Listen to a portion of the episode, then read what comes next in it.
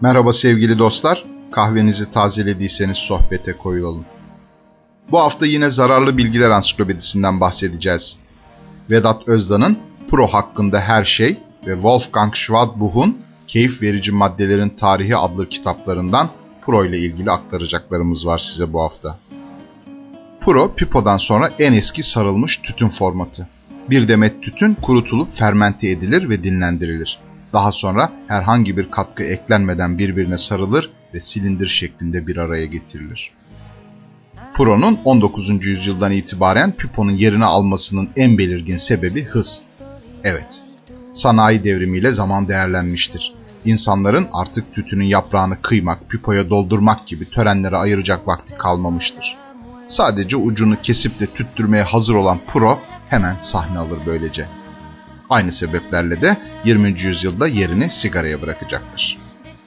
Başlangıçta Burjuva sınıfının ağzından düşmez Pro.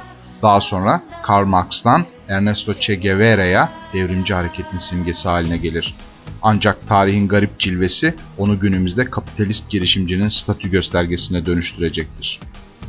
Bugün sigaranın karşısında ağır kanlılık ve muhafazakarlığın ifadesi haline gelen Puro, 19. yüzyılda gayet zarif, hafif ve kadınsı bulunurdu. O dönemde Pipo'nun karşısında Puro, kasnaklı etekli bir kadının yanında çıplak bir güzel olarak betimlenirdi.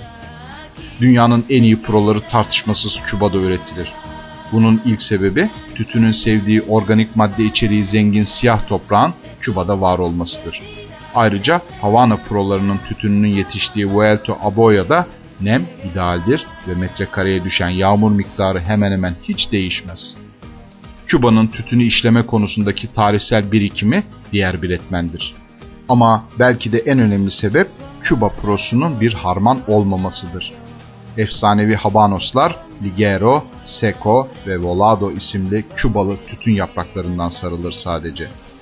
Habanos markaları arasında Belinda, Bolivar, Cabanas, Cohiba, Coaba, Fonseca, Guantanamera, Romeo y Julieta, Turaya ve Vegueras'ı sayabiliriz. Sözü burada iki önemli şehir efsanesine getirelim istiyoruz. İlki Kohibalarla ilgili. Kimilerine göre şarapta Bordeaux'un Petrus'u neyse Pro'da da Kohiba odur. Efsaneye göre Che sanayi bakanı iken Fidel Castro'nun ricasıyla özel bir Pro üretmeye girişmiştir ve Kohiba markası böylece doğmuştur. Devrimin 10. yıl dönümünde Che'nin verdiği pozdaki Pro'nun da Kohiba olduğu iddia edilir. Ancak bu efsanede Che'nin astım hastası olduğu için Pro içmeyi bırakmış olması, devrimin 10. yılı olan 1965'te de Küba'yı çoktan terk etmiş olması tutarsızlıkların en önemlisi. Ayrıca Castro'nun Cohiba'nın 1961'de yaratıldığını iddia etmesine karşın üretimin başlangıcının 1966 olması da ayrı bir soru işareti. İkinci şehir efsanesi ise Pro'nun kadınların bacaklarında sarıldığı. Bu öyle bir efsane ki Pro'nun fiyatıyla onu bacağında saran kadının yaşı arasındaki ters orantıda maskülen bir fantezi olarak yerini bulur. Efsane tahminen Havana fabrikalarına ilk defa giren bir gazetecinin tütün yapraklarının orta damarlarının çıkarıldığı yerde gördüklerini kaleme alırken yarattığı bir hayalin ürünüdür. Bu aşamada kadın bacağı hakikaten sıklıkla kullanılır. Kadınlar dış sargılıkları bir bütün halinde sol bacaklarına koyar ve damarını çıkararak yaprakları ikiye ayırırlar. Ancak sarma işlemi oldukça karmaşık ve donanım isteyen bir işlem olup teknik olarak yumuşak bir zeminde uygulanması zaten mümkün değildir. Shakespeare'in deyimiyle pro sadece bir produr. Ama günde 20 adet pro içtiği iddia edilen Freud öyle düşünmez. Onun kendi dünyası ve eserlerinin merkezinde pro vardır. Freud'a göre pro bazen sadece produr.